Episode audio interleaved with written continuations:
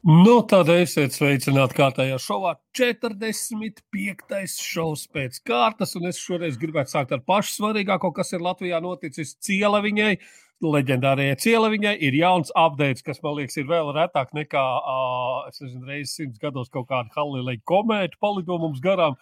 Cieleviņai update, Ziemassvētku edition, cie, svētku cieleviņa ar piparkūkām.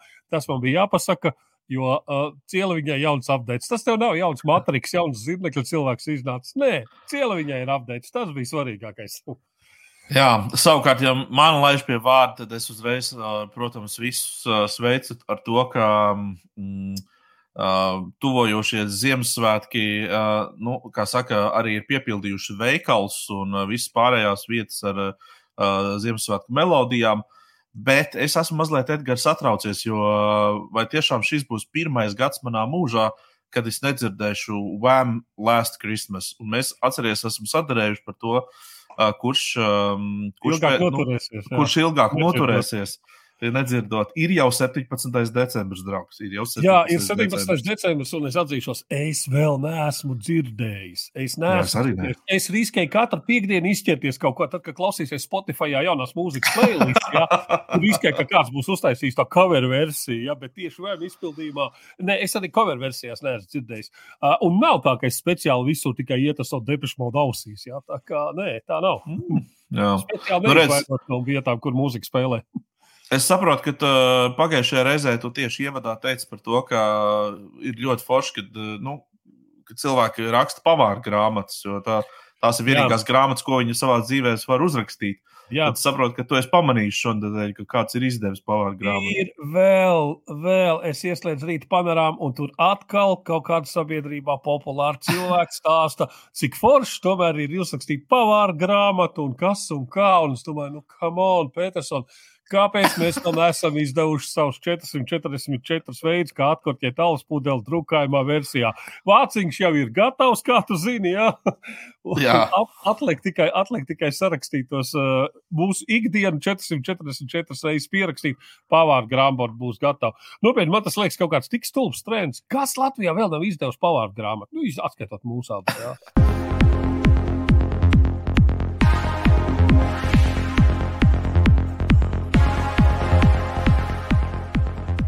Atcerieties, es jums teicu, ka ir jāņem bungas līdzi. Ļoti būtiski, ka jūs nepaņēmāt bungas līdzi.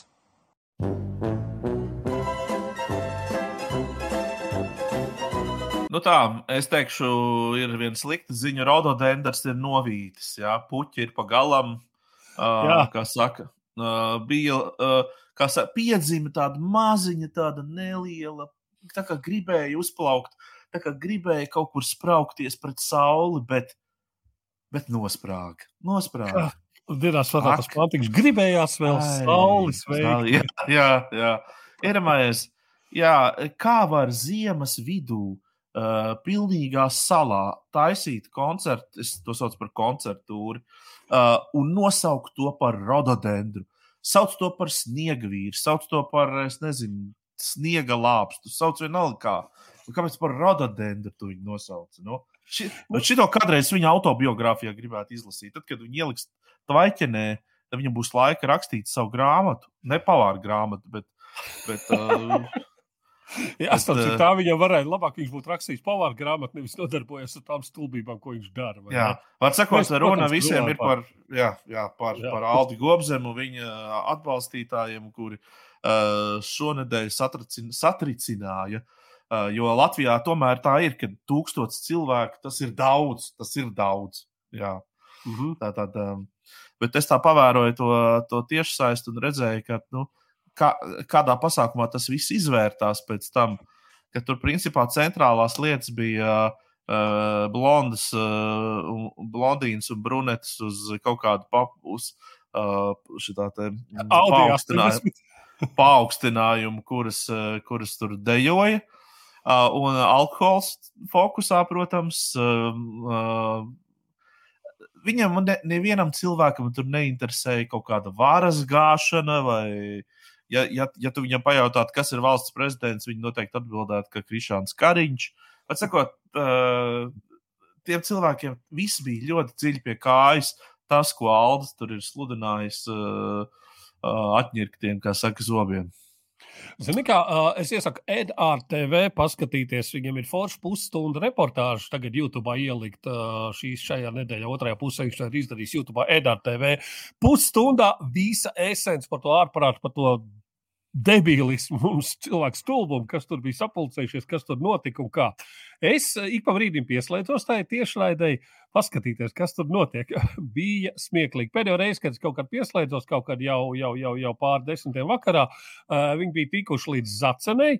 Aldis šausmīgi bēdīgi paskat ģīmi uh, kopā ar dažiem faniem. Es nezinu, ka, kas tas bija uz kaut kāda mašīnas kapota vai kas, bet kaut ko dziedāja. Mums kukainīts pa jūru peldas. Domāju, ārprāts tas izskatās, zini, pēc tādām, uh, nu, tādas kāzas trešās dienas rīta. Pilnīgs atkāzes kaut kāds. Jā, trešajā dienā, kad tur vēl tie daži, kas vēl nu, kaut kāda X pēc vēl nav nolūzuši, tur tie, kas vēl mēģina kaut, ko, kaut, kaut, kaut, kaut kādu jautrību uzturēt. Nu, mm. Nu, Oi, vecī, tādu izmisumu es pēdējo reizi, man liekas, redzēju Anglijā, kad es biju. Man bija tas gods tikties ar cilvēkiem, tusēties ar cilvēkiem, kur rīkoja slavenās grupas A Eiropa koncertūri.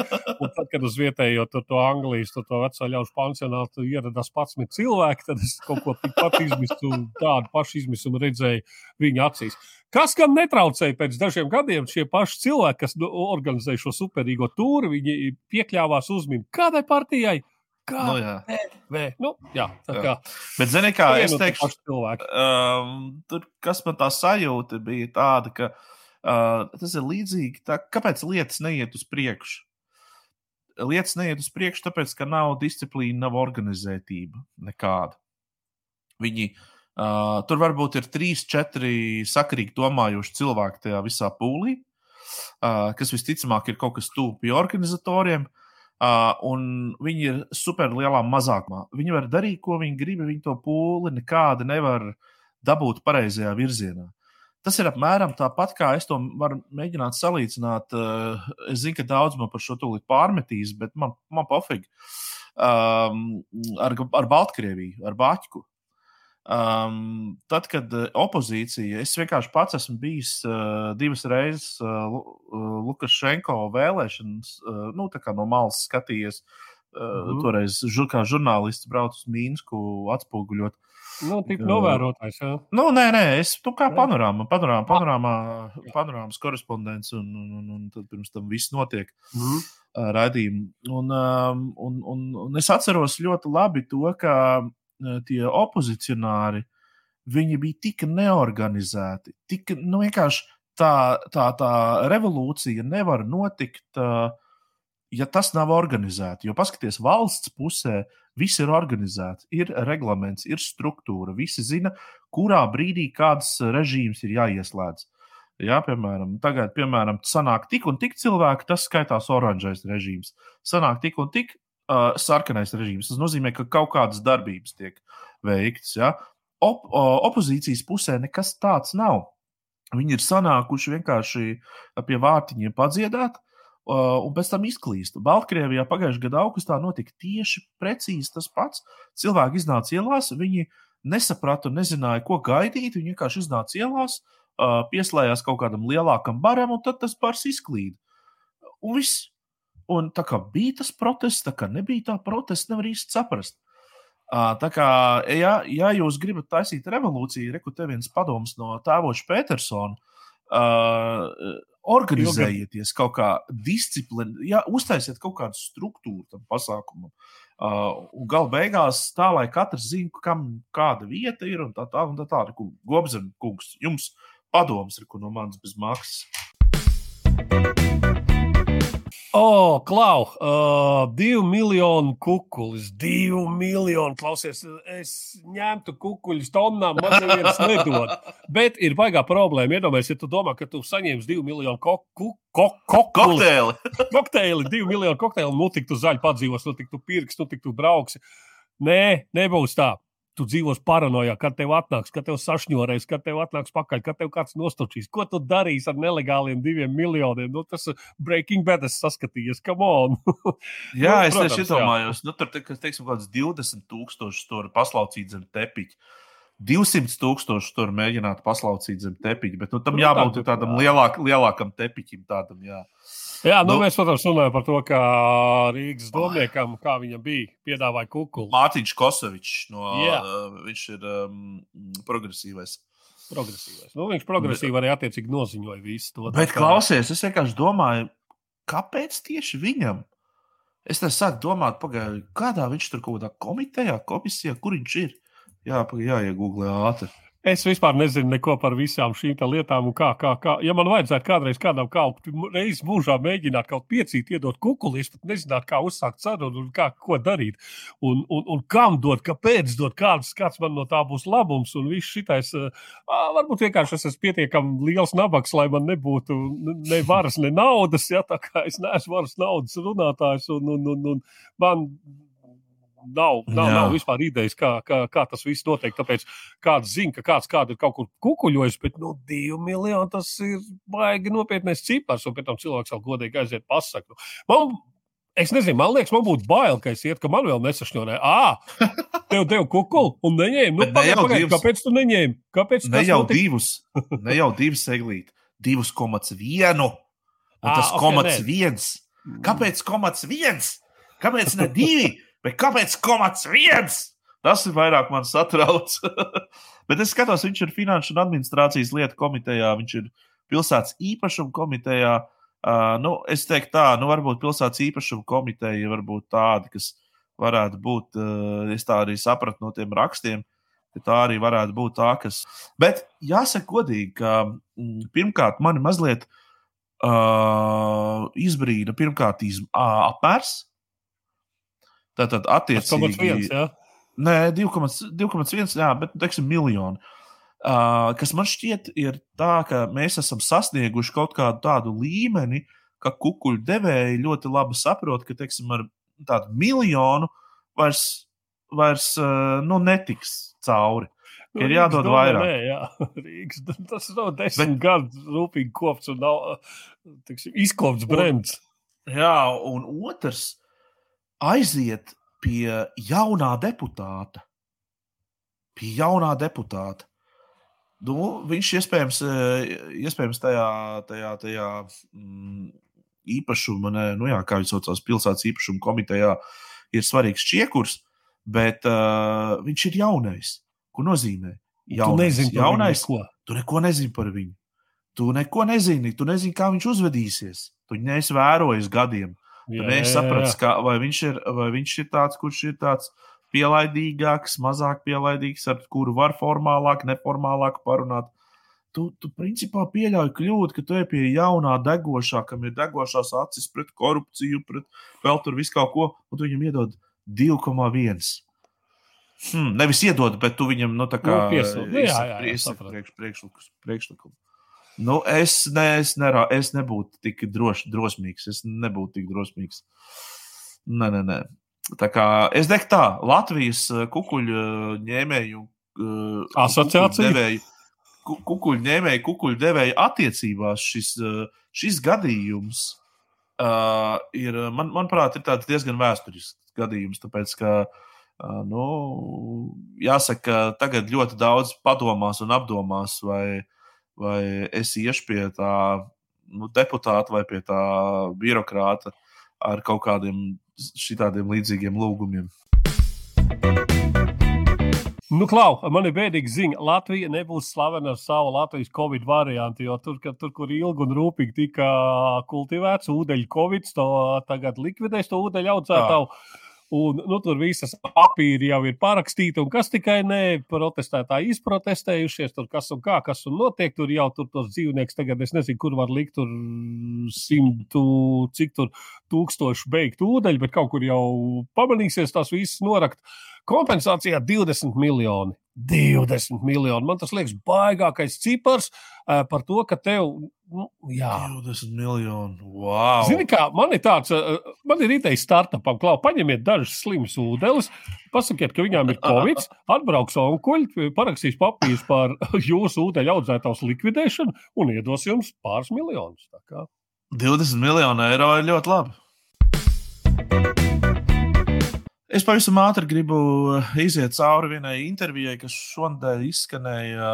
Patiesībā interesants divas intervijas bija ar premjeru Krišānu Kariņu. Viena bija TV netam, tāda, tāda drusku vaļīgāka, kur viņš tur tā, tā, tā, tā, tā brīvāk parunāja. Un tad, Vaļīgāk. jā, un tad otra bija ar Gundaru Rēderu, viens pret viens Latvijas televīzijā. Kariņš nerunā intervijās parasti. Nu, tur, tur, kur tu kariņu var dabūt, Kariņu var dabūt eh, preses konferencē, tad viņam uzdod jautājumu. Tad, kad viņi saka, vai var dabūt premjeru uz interviju, parasti figu, ne, nevis premjeru uz interviju. Tā, nu, reti, reti viņš kad pavēlkās. Re, ka viņš pie Dombora man šķiet vēl nemaz nav bijis. Tā kā, nu, nu nav, nav tā, ka tu dabūsi Kariņu, kā tu gribi. Un, eh, nu, tad, kas bija tie galvenie jautājumi? Protams, ka pirmais, kas cilvēks ļoti satrauc, un tas diezgan pamatoti satrauc eh, cilvēks, ir gāzes, elektrības cenu kāpumi. Um, um, nu, tas, ko es varu teikt, tur, ka šeit, eh, es domāju, Kariņš bišķi izairēja ar to, ka viņš solīja kaut kādu nākotnes vīziju, proti, viņš runāja par vēja enerģiju kas, protams, nav slikti. Ja? Nu, tas Kam viss ir tas ok. būs. Uh, bet jā, tieši tā, kad tas būs. Jā, Tālā tālā nākotnē, sen senos laikos. Nu, Desmit, desmit gadi droši. Uh, Mhm. Tas nozīmē, ka tu mēģini mums tagad kaut ko pārdot, ka pēc desmit gadiem viss dzīvē būs forši. Tagad ir tā, kā ir. Zikā, ir tā, kā ir. Tāpēc, ka īstenībā tava partija, kas ir uh, jaunais laiks, ja, uh, un vienotība vēlāk, viņi taču visu laiku ir bijusi pie, pie varas un faktiski ir ignorējusi lietas, kuras uh, varēja paredzēt. Ja? Uh, visas tās pašas uh, obligātās iepirkuma tās komponentes un, uh, un, un, un, un, un, uh, un, un to pašu. Nu, labi, tu nevari paredzēt, ka Putins vienā brīdī un Eiropa teiksim, tur sajies ragos uh, un tad uztaisīs tādu ener enerģētikas kāru. Jā, labi, bet nu, visā citādi tu vari, uh, tu vari darīt kaut kādas lietas, tev ir kaut kādi dati, ar kuriem tu vari uh, prognozēt kaut kādu nākotni un tā tālāk. Ja? Kāpēc nekas netika darīts tajās pašās atjaunot, at, atjaunojamos enerģijas uh, jomā? Tā kā, nu jā, tur tā, kā viņš bija izpeldējis, es viņu, es viņu būtu bijis vairāk pienaglojis, ja, ja rēdera vietā. Un tad otrs, ko viņš, protams, visu laiku atgādināja, ka viņš turpina runāt par vakcinēšanos no viņa mutes, jo, protams, tas vairs, nu, nu tas, es teiktu tā, uh, ir cilvēki, kuri, no kuriem mēs gribētu dzirdēt to, ka jāiet vakcinēties. Bet, zināmā mērā, nu, vai vairs no Pāvļa un Kariņa, nē, nu, jo tas jau, tas jau izklausās pēc tādiem Traģikomiski. Tas ir traģiski, tas tāds mazliet zaimojošs jau ir. Pat man, ja, kurš ir Zinot, saņēmis- pacietības pakāpi īstenībā. Jā, bet, eh, un, un, un saņēmis balss potu un viss tā tālāk. Es esmu par vakcinēšanos un tā tālāk. Bet pat man ir neērti klausīties, nu, kad Kariņš saka, ejiet, lūdzu, vēl visi vakcinēties, kas vēl nav savakcinējušies. Nu, nē, nu, nav tā. Nu, tur, tur, nu, mēs, es, es domāju, ka, zini, kas ir? Mēs šobrīd varam arī īstenībā redzēt, cik daudz ir tas saprātīgo ļaužu daudzums Latvijā. Un, un, un viņš ir izsmelts.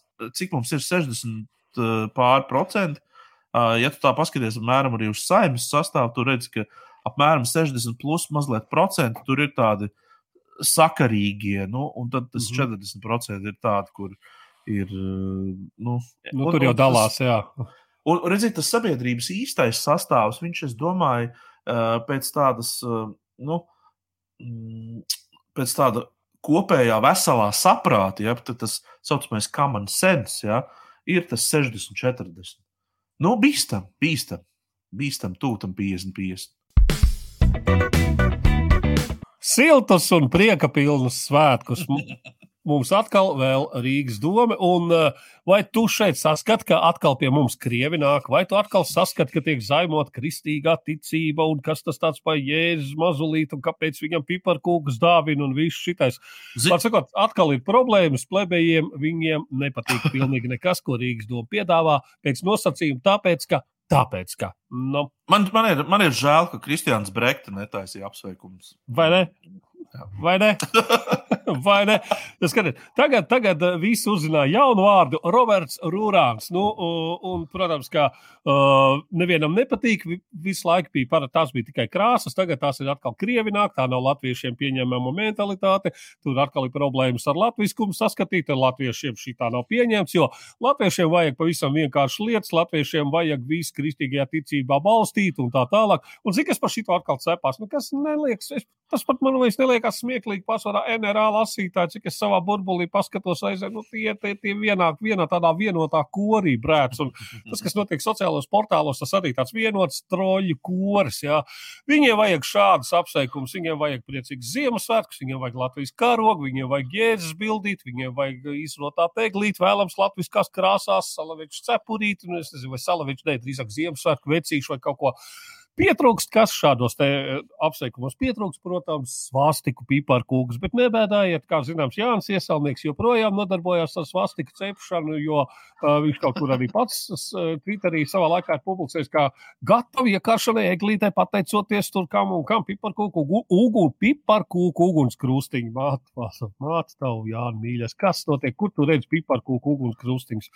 Es redzu tikai vienīgi svastiks. Tā kā uh, pīpārkūku svastiks mums ir un priecīgi priecīgs Ziemassvētks, un Latvijas spēlētājs ir priecīgs un laimīgs. Un, un, un, un tā kā uh, nevajag mums nekādas jēdzīgas apsveikumus, neko mums lūdzu šādā stilā piedāvāt. Nu, savā laikā es Jānim Iesalniekam pavaicāju, vai viņš šogad arī cips piparkūks un piedāvāju viņiem reku garšvielu maisījumu svastikām. Nu, tad es laikam pirmo reizi tiku bloķēts no Jāņa Iesalnieka, kurš, kā zināms, ir viens no čempioniem bloķēšanā Twitterī. Tā kā tas bija kaut kādā 14. gadā, man liekas, 14. vai 15. gads. Tā kā, nu, ir zināma pieredze ar šo džeku. Nu, lūk, tāds tas ir. Uh, es, man Jā, es, komentārs.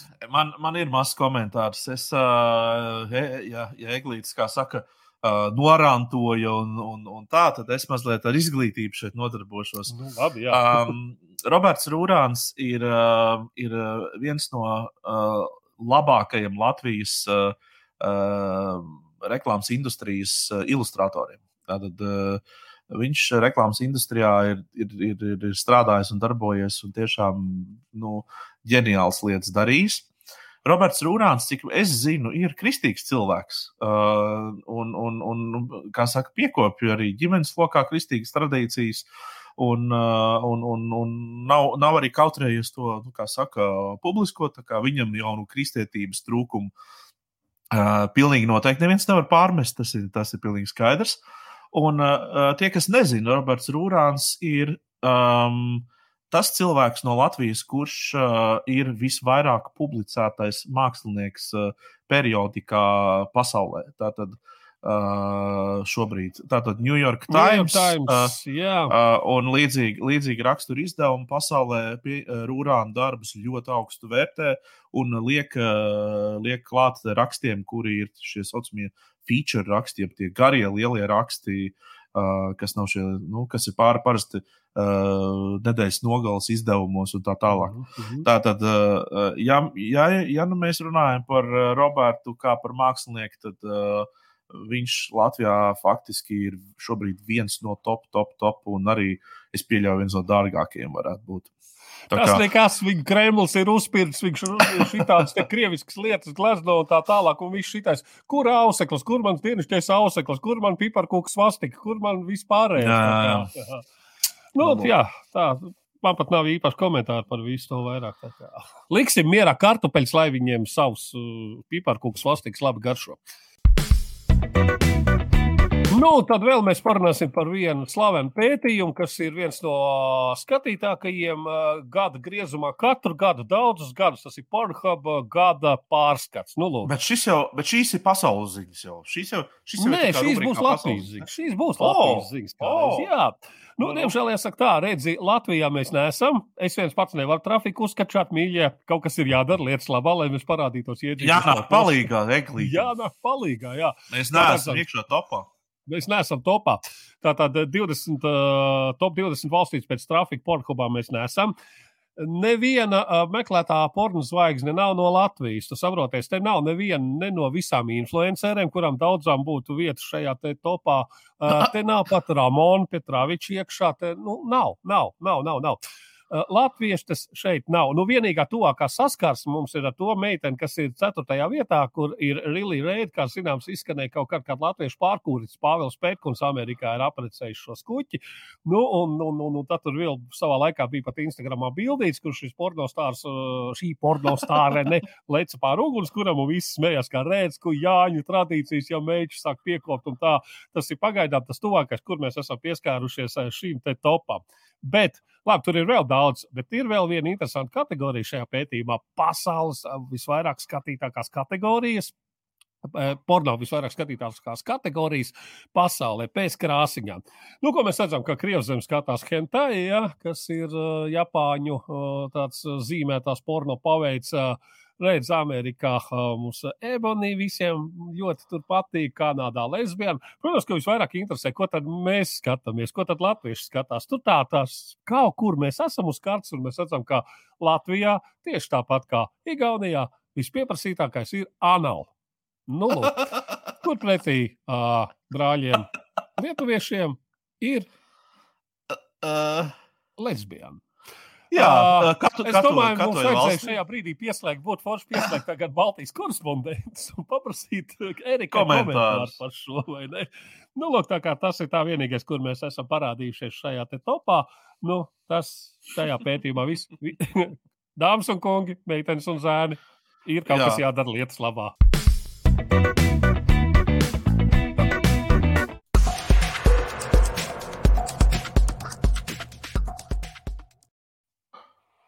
Nu, tad uh, diena pēc, protams, uh, nav nekādas brīvdienas neņem. Mēs ejam tā kā tanks uz priekšu. Kaut gan jāsaka, ka 30. Kā rododendrs. datumā, jā, 31. datumā uh, ir, kad ir paredzēts uh, raidījums. Uh, mūsu raidījums, nu, kā piekdiena iekrīt, vai ne? Uh, nebūs tāds gluži tā kā tradicionāli ierasts. Mēs uh, esam sagatavojuši jums tādus kā foršus dažādus citātus uh, no mūsu viesiem, kas ir bijuši cauri visam gadam, tādas smieklīgas lietas, tādas nopietnas lietas. Uh, tā, var sakot, būs tāda forša kompilācija no, no, no, no, no mūsu viesiem šovā astoņos, kas ir viesojušies.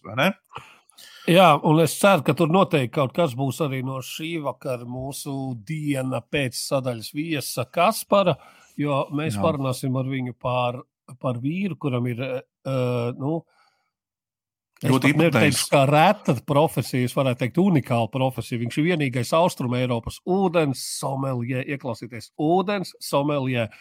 Es saprotu, ka tas izklausās maksimāli ironiski. Es pats esmu no tiem, kas, kas, kas smējās par šito te. Tūlīt paskatīsimies, par ko tur smieklīgi nāk vai nenāk.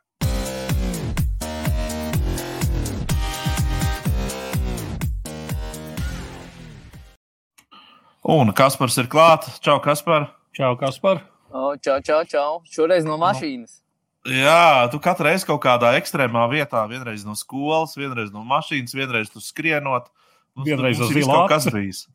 Viss kaut kas ir bijis ar tevi. uh, Nu, nu, man jā. patīk viss kaut kas. tu, tu, tu jau savus trīs litrus ūdeni esi izdzēris šodien. Um, šodien es pagaidām tuvāk esmu pusotram litram. Jā, es, es te knapinos. Es knapinos. Nu, labi, es Līdz struktūrētu palsam, ūdeni. palsam. Es vairāk struktūrētu ūdeni. Tas, kas struktūrēts ar augu, ar apiņiem, ar cukuru. Nu, tāds. Struktūrāts, sastrukturēts. Labi, Labi. Kristam, kāpēc mēs par ūdeni runājam ar Kasparu? Jā, tāpēc, ka tu runāji ar cilvēku, kurš ir pievērsis tam uzmanību tādā no veselības aspekta. Pastāst nedaudz vairāk, kas Dans vispār ir, ko viņš dara un ko viņš nodarbojas, kas, kas ir viņa specialitāte. Nu, droši vien, ja tagad nu, tas, tas, ko pamatā viņš droši vien dara, ir viņš arī izplata un tirgo ūdeņus. Viņš arī lasa lekcijas eh, pārsvarā sievietēm, kurām patīk uzzināt, kā var uzlabot savu izskatu, nādu Jā. un visu pārējo, ja, eh, hidrāciju. Bet vispār viņš ir um, pabeidzis un izmācījies um, ūdens someljē uh, kursus, kas nu, būtībā šobrīd izskatās, ka viņš ir pasaulē viens no uh, kaut kur bišķiņ mazāk zem 200 uh, ūdens someljē, un pirmais noteikti Baltijā vai vispār šajā reģionā. Un kas, kas interesanti, pats par sevi fakts, ka varbūt arī ūdens someljē vien norāda to, ka ūdens vienkārši nav H2O, bet ir viss kaut kas ļoti daudzveidīgs, daudzpusīgs. Un var pat teikt, ka, nu, ja mēs tā ezotēriskāk runājam, ka ūdens ir fiziska forma ēteriskajam dievam vai kaut kam tam līdzīgam.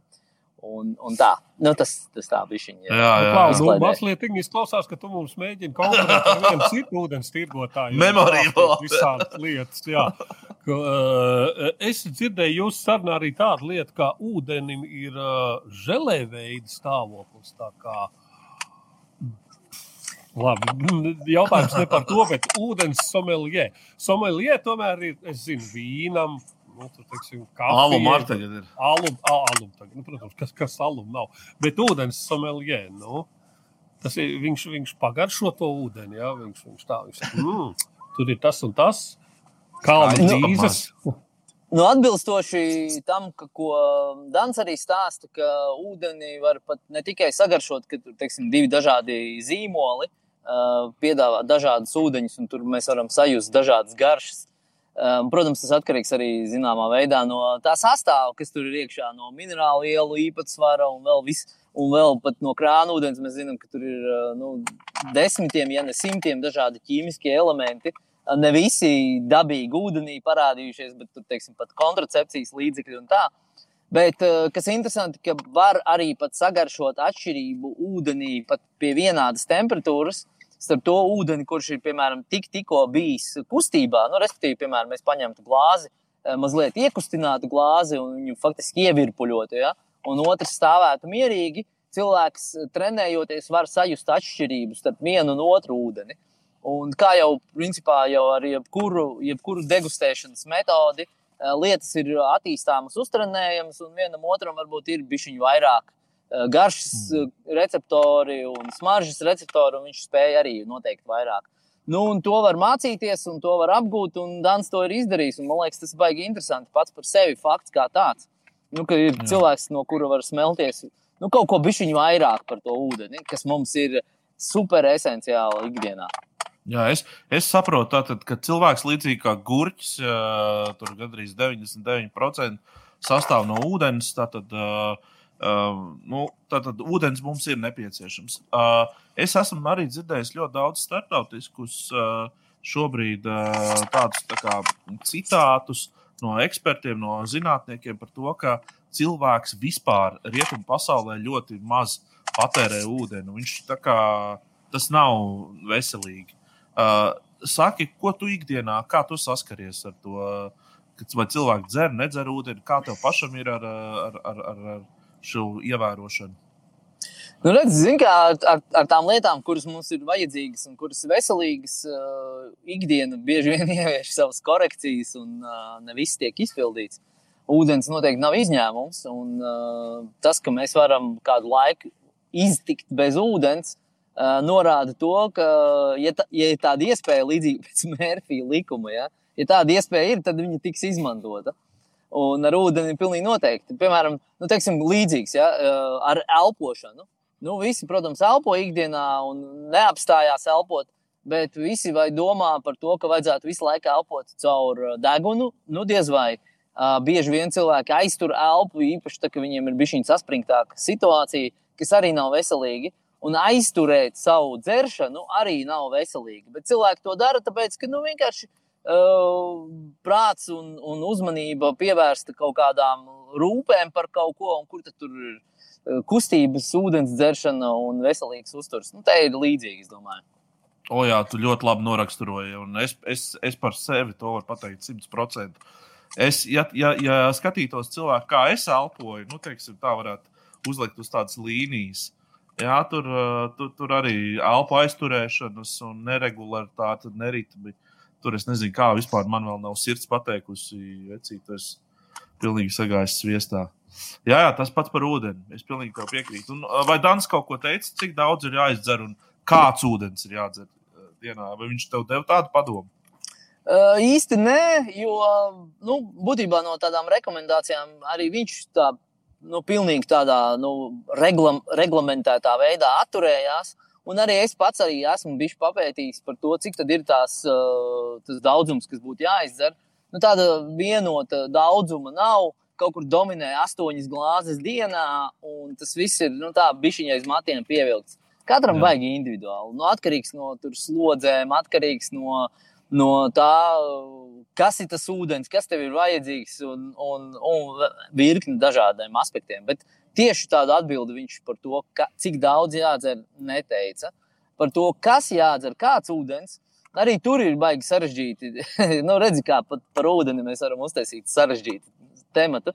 uh, bet kas, kas varbūt svarīgāk ir par to, kādu ūdeni dzert, ir varbūt pieiet no tādas tā kā, uh, prizmas, ka, ka dažādi ūdeņi var būt dažā, ar dažādām funkcijām. Nu, teiksim, tur smagi mineralizētie ūdeņi, tie saucamie sāļie ūdeņi un tādi. Viņi, ir, uh, viņi noteikti nav lietojami kā vienkārši dzeramie ūdeņi. Nu, teiksim, ja kāds iedomājas, ka viņš tagad to SNTUKī pirks un katru dienu tikai to vien dzers, uh, nu, diezko labi tas nebūs ja cilvēks dzers tikai uh, sliktu krāna ūdeni, arī diezko labi nebūs. Nu, kaut kur pa vidu tur droši vien tas mēs es, esam. Nu, piemēram, vasarā, ja, ja mēs tur daudz vairāk kustamies, mēs daudz vairāk svīstam, um, arī izelpojot, mēs da ļoti daudz ūdeni zaudējam. Nu, vai pareizāk sakot, atbrīvojamies no tā. Ja, bet tieši svīšanas gadījumā mēs tiekam vaļā ļoti, ļoti daudz no sāļiem un minerāļiem, kas mums ir nu, ar ūdeni kopā izsvīstam tad attiecīgi mēs varam atļauties bišķiņu vairāk dzert šos smagos minerālu veidīgos ūdeņus. Bet, ja mēs teiksim, esam relatīvi pasīvā tādā dzīves posmā, tad nu, varbūt tas arī tur ar tiem smagajiem aizrauties arī nevajadzētu. Mm, forši. Labi, ka tu tā saliec pa plauktiņiem. Tas man patīk. Un tavu pirmdienas sarunu ar Danu. Uh, mēs to ar nepacietību gaidām. Kā, paldies, Kaspar, lai tev forši svētki. Un, uh, kā saka, mēs netiekamies šogad vairs. Tad tev, Jā. Jauks, jauks nu, nākamais gads. Es teikšu, tad iedzersim. Ja? Jā, iedzersim. iedzersim.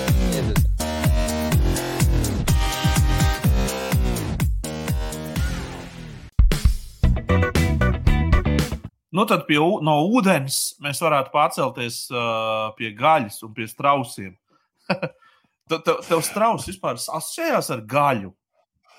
Nē, man strauss, godīgi sakot, asociējās tikai un vienīgi ar Prodigy klipu Outer Space. Teikšu godīgi. Jā. Um, mēs tūlīt runāsim ar mūsu vakar viesi, kurš ir uh, nu, ļoti laipni, kā saka, piešķīris uh, nu, 100 eiro uh, dāvanu kārti nākamā, droši vien jau ka nākamā gada kādam no mūsu mm, raidījuma skatītājiem, kurš vai kura uh, ir iesūtījusi četrindīti, kuru mēs lūdzām līdz uh, šodienas pusnaktī, tā kā jums vēl ir laiks. Uh, uh, uzrakstīt mums, uh, kas tā ir par četrindī. Tā tad jābūt kaut kādā veidā tai saistītai ar, ar, ar Ziemassvētkiem, ar svētkiem gaidāmajiem. Un, protams, kaut ko pielikt klāt tādu aktuālu, lai tas nav tā pa ziemu, pa, pa sniegvīru, sniegvīrs bēdājās, kā saka, sniegbaldīt un, un, un kas tur vēl. Bet, lai ir kaut kas tāds aktuāls, lai tur ir iekšā kaut kādi aktuāli notikumi, kas mums uh, ir bijuši uh, šovā astoņos, ko mēs visu gadu runājuši, vai ne? No, nu, tā kā padaram to visu interesantu. Uh, jums vēl ir laiks uh, līdz pusnaktī uzrakstīt tātad. Uh, um, šos te, šī četrindīti, atsūtīt uz pasts at diena pēc.lv, pasts at diena pēc.lv, šādi te. Un uh, jūs varēsiet saņemt uh, 100 eiro dāvanu kārti. Uh, nu, nevis varēsiet, bet uh, mēs izlauzēsim uh, dāvanu kārti uh, uz uh, šo restorānu Nornieki, kas atrodas nekurienes vidū.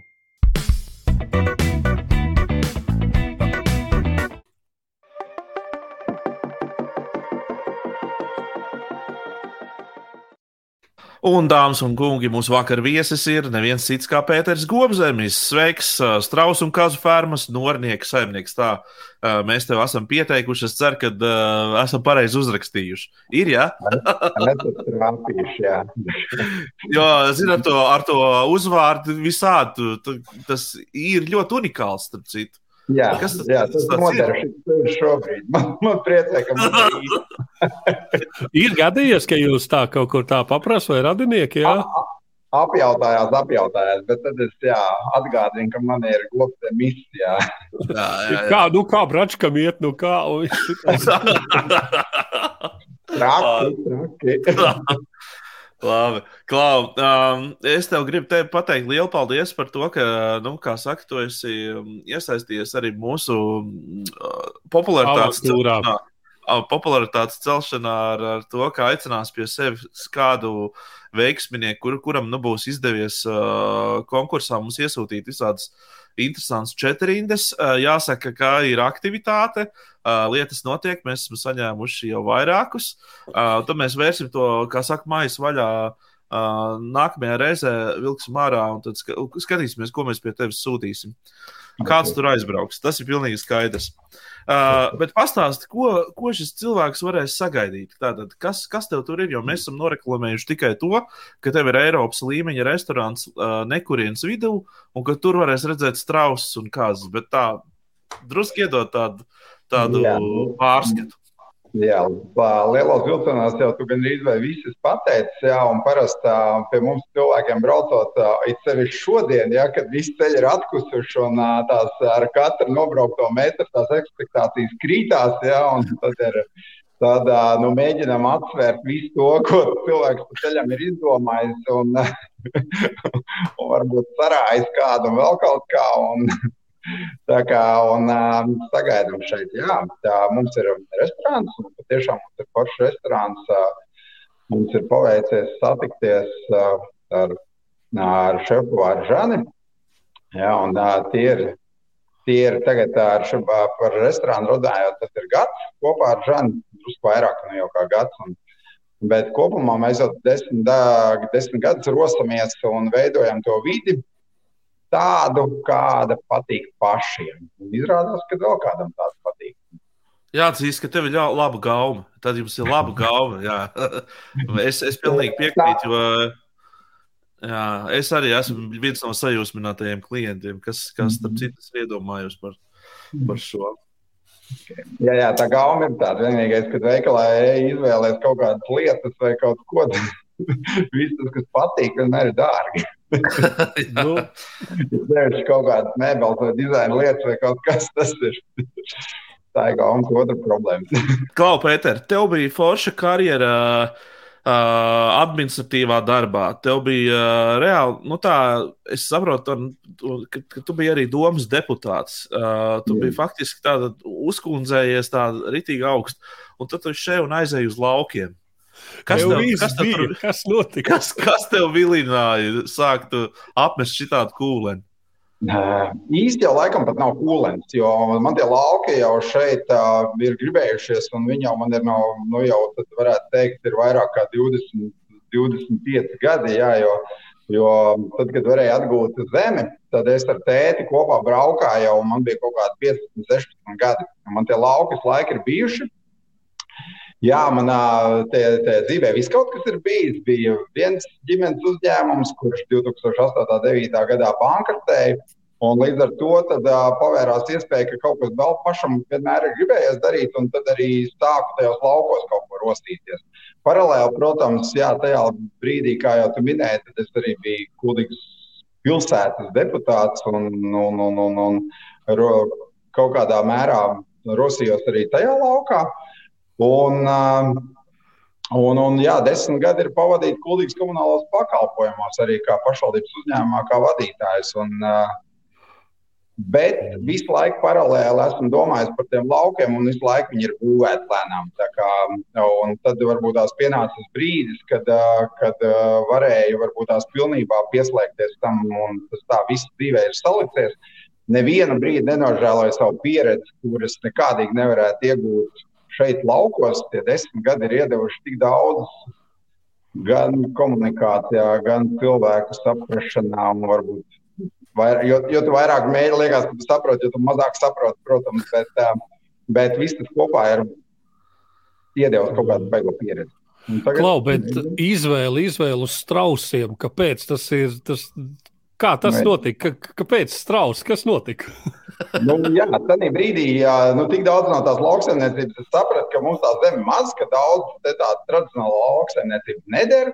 Un tajā brīdī, kad uh, bija tas krīze un, un viens bizness izbeidzies, es satiku brālēnu uh, Gunti, kurš, uh, kurš arī runāja par laukiem, par sliekām, par gliemežiem. Viņš teica, nākošais nedēļa braucu uz Jēkabpils skatīties, kā strauss audzēs. Viņam teica, es tev aizbraukšu līdzi. Mēs aizbraukšu līdzi. Jā. Viņš jau viņš audzēs liekas, audzēs trausus. Viņš, tā, viņš labs produkts no mežrozītēm. Tā ir tā kā mežrozīt.lv. Viņiem ir tāds, jā, kur viņš, atkal, viņš aizgāja citā virzienā. Viņš arī sākumā drusku audzēja, bet nu, Oh, jā, tas ir ska, skaistuma produkts, vai kas tas tāds ir? Tāds, uh, Nē, vairāk tas ir pārtika. Gan, ah. jā, tur ir no mežozītēm viņi taisa kaut kādas uh, rožūdeņas un tādas, bet uh, jā, tās ir piezenījuši dažādi un visādas labas lietas no mežozītēm. Mm. Tā nu, kā, nu, bet, cik tā tu saprati no tiem strausiem? Tu tik, tik cik ieraudzīji, vai ne kā brālēni aizbraucāt uz to fermu? Oh, reku, jā, Klau, nu. Un paldies Dievam! Apbrīnojami. Vienkārši izdomāt, pēkšņi nekurienē Latvijā strauss. Ja nu, ieiet veikalā, es neredzu, ka būtu kaut kāda putnu sadalījuma. Iesveriet man, lūdzu, tur, tur, tur. Dodiet man strauss kājiņas, tur 15. Jā, vakar. Kājiņas! Kājiņas! ne, ne, nedaudz statistikas. Ja viena kājiņa ir apmēram ap 17 kg. Ja?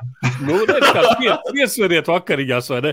Nē, tā, to es gribēju teikt, ka nu, tas varbūt nav tāds uh, pierastākais produkts uh, Latvijā un nu, vēl jau vairāk kaut kur kurzemes vidū. Jā, bet man laikam ir tā, ka man um, jo kaut kas ir savādāk, jo man gribās pamēģināt, un es nebaidos. Man daži klienti ir jautājuši, nu, kur rodās tās idejas. Man uh, nav problēmas ar tām idejām. Man liekas, visā ierauga iespēju, bet um, dažreiz, ko es saprotu ar gadiem, tagad, kad uh, es, man vairāk ir jākoncentrējas uz konkrētu vienu lietu, jo man izdodas ļoti labi izplūst, ja, un uh, kaut ko vēl, vēl ieraudzīt. Nu, nevar visā, visur, kur tu skaties, ir kaut kādas iespējas. Man liekas, kā viņas nepaņemt, bet uh, šobrīd jā, tā, tā gada pieredze drusku tītiņās, un tad ir vairāk ir tiešām jādomā par to, ka, ka, labi, labi, šitās iespējas izdarām šito, un tad nākošo iespēju izmantot. Tās iespējas, man liekas, ir katru jā. dienu, katrā vietā. Nu. Nu, Es vienkārši iedomājos, tur noteikti gāju uz banku, kaut kādas investīcijas visam tam ir vajadzīgas. Un teicu, Klau, es audzēšu strausus, nepelē. un tur tā varbūt uh, bankas darbinieks tā skatās, un Pēter, paldies, ka atnāci. paldies. Jā, bet kaut kādā, nu, tur arī droši vien es pat godīgi sakot, tas man liekas racionāli, pat nav izskaidrojams, kā pirms tam desmit gadiem. Un, protams, viens biznesa bankrotējas ar kaut kādām saistībām, kuras ir kārtoja, un arī ar banku saistības, kuras beig, beigās, bet nu, piecu gadu laikā nokārtoja un viss. Bet, bet tajā brīdī man tā kredīta vēsture droši vien nu, priekš bankas nebija ideālais klients. Ja, bet nu, tajā brīdī kaut kā satikās pilnīgi uz citu banku aizgāju. Tajā brīdī tā bija Nordea, bet tur vairāk nav stāsts par banku, bet man liekas par to menedžeru, kur noticēja. Ja, un, mm. un pirmo kredītu iedeva, ja, un pēc tam varbūt tās mums nākošie, kad jau bija daudz stabilāka tā situācija, tad uh, šī banka konkrētā pateica, ka nē, ka mēs tur neredzam iespējas vairāk, ja, un tad, tad, tad jau atkal citām bija daudz vieglāk runāt. Bet nu, tagad, skatoties, man liekas, ir daudz lietas, ko tu nevari tā racionāli izskaidrot. Ir vienkārši Nu, tu notic tai idejai, un, un, un tu, tu tā kā ej uz viņu. Un, tu, ja tu redzi to vīziju, kā tas būs pats sevī, ja, ja, tev ir skaidrs, nu, tad, tad laikam notiekās. Nu, tā. Jā, pastāstiet, Pēter, kā garšo strausi gaļa. Nu, pamēģini cilvēkiem, kuri nekad loģiski tur nav neko tādu ēduši. Kā, kā, kas notiek tajā brīdī, kad tu ēd strausi gaļu? Ko tu sajūti? Jā, nu, pirmkārt, droši vien vienreiz ir labāk pagaršot nekā desmit reizes dzirdēt. Jā, un droši braucot, mēs strādājam katru dienu. Galvenais pieteikties, lai mēs varam to saplānot atbilstoši šī situācijai un to. Bet, bet jā, nu, strauss, pirmkārt, viņi ir ļoti dietiski. Viņai ir augsts dzelzs saturs, maz tauki, tā, kas izvēlās um, domāt šādā virzienā, un kam ir nepieciešams domāt par to par to no tādas puses. Otra, kā bauda, tad jā, viņa ir ļoti sulīga. Gaļa, jā, var salīdzināt ar lielo. Viņa ir sarkanā, sarkanā gaļa, jā, bet, protams, vislabāk. Ja jūs kaut kur kādā restorānā vai pie mums, ja, tad vislabāk sprausgaļu izbaudīt tartarā, karpačo, steiks. Tās ir trīs pamatlietas, no kuru to gaļu varēs vislabāk izbaudīt. Un Latvijas šefpavāri Māku viņu pagatavot ne tikai pie mums, arī, arī citos restorānos, gan, gan trīs pavāros, gan Rēmons Zomers, gan pārējie. Oh. Visi, visi. Tas, tas nozīmē, ka, ja, piemēram, man doktors pasaka, ka Kristapam Tuvērs īstenībā steigs savā dzīvē labāk, nu, tā kā nē, jo tur, nu, tur tā un tā. Tad strausa, strausa ir faktiski la, ļoti laba alternatīva. Es dabūju Jā. to pašu sajūtu, Jā. to pašu faktiski uh, vai ne faktūru, bet, uh, bet, es, uh, bet tas ir veselīgāk nekā, Jā. nekā lielums. Jā, tas ir. Viņš ir uh, tur tauku, var, principā nav viņas zem diviem procentiem. Viņa ļoti liesa ar augstu zelta saturu. Tas ir. Es nezinu, kāpēc. Es dažiem esmu runājis, bet šobrīd um, arī ar medicīnas darbiniekiem, ka ļoti daudziem tas dēls ir arī, kas šobrīd trūkst, vai tas ir mūsu dzīvesveids vai, vai, vai, vai, vai kas. Bet dēls ir viens no tām lietām, kas diezgan daudziem trūkst. Tā, tās, tā ir viena no, viens no veidiem, kā, kā var uzņemt. Bet, nu, labi. Tā, bet ne tikai, ne tikai par strausiem, arī tās kazas. Nu, pat, pat gribēju prasīt, kā tad ar kazām? Jā. Jā, nu tāds mums tāpat kā strauss ir tāds netradicionāls, jo Latvijā, pasakot, kāza visiem liekas skaidrs, okay, kur tad tas sirs un kur tad tas piens. Uh, sirs un piens mums nav, mums ir gaļas šķirnes kazas. Jā, šobrīd sāk atkal lēnām veidoties tas uh, audzētāju pulciņš, kas audzē to, bet nu, mēs šobrīd arī esam viena no Nu, gaļas šķirnē mēs esam lielākie, atkal, kas um, ejam, to, ejam pa priekšu, bet ļoti forši, ka piepildījās kāds.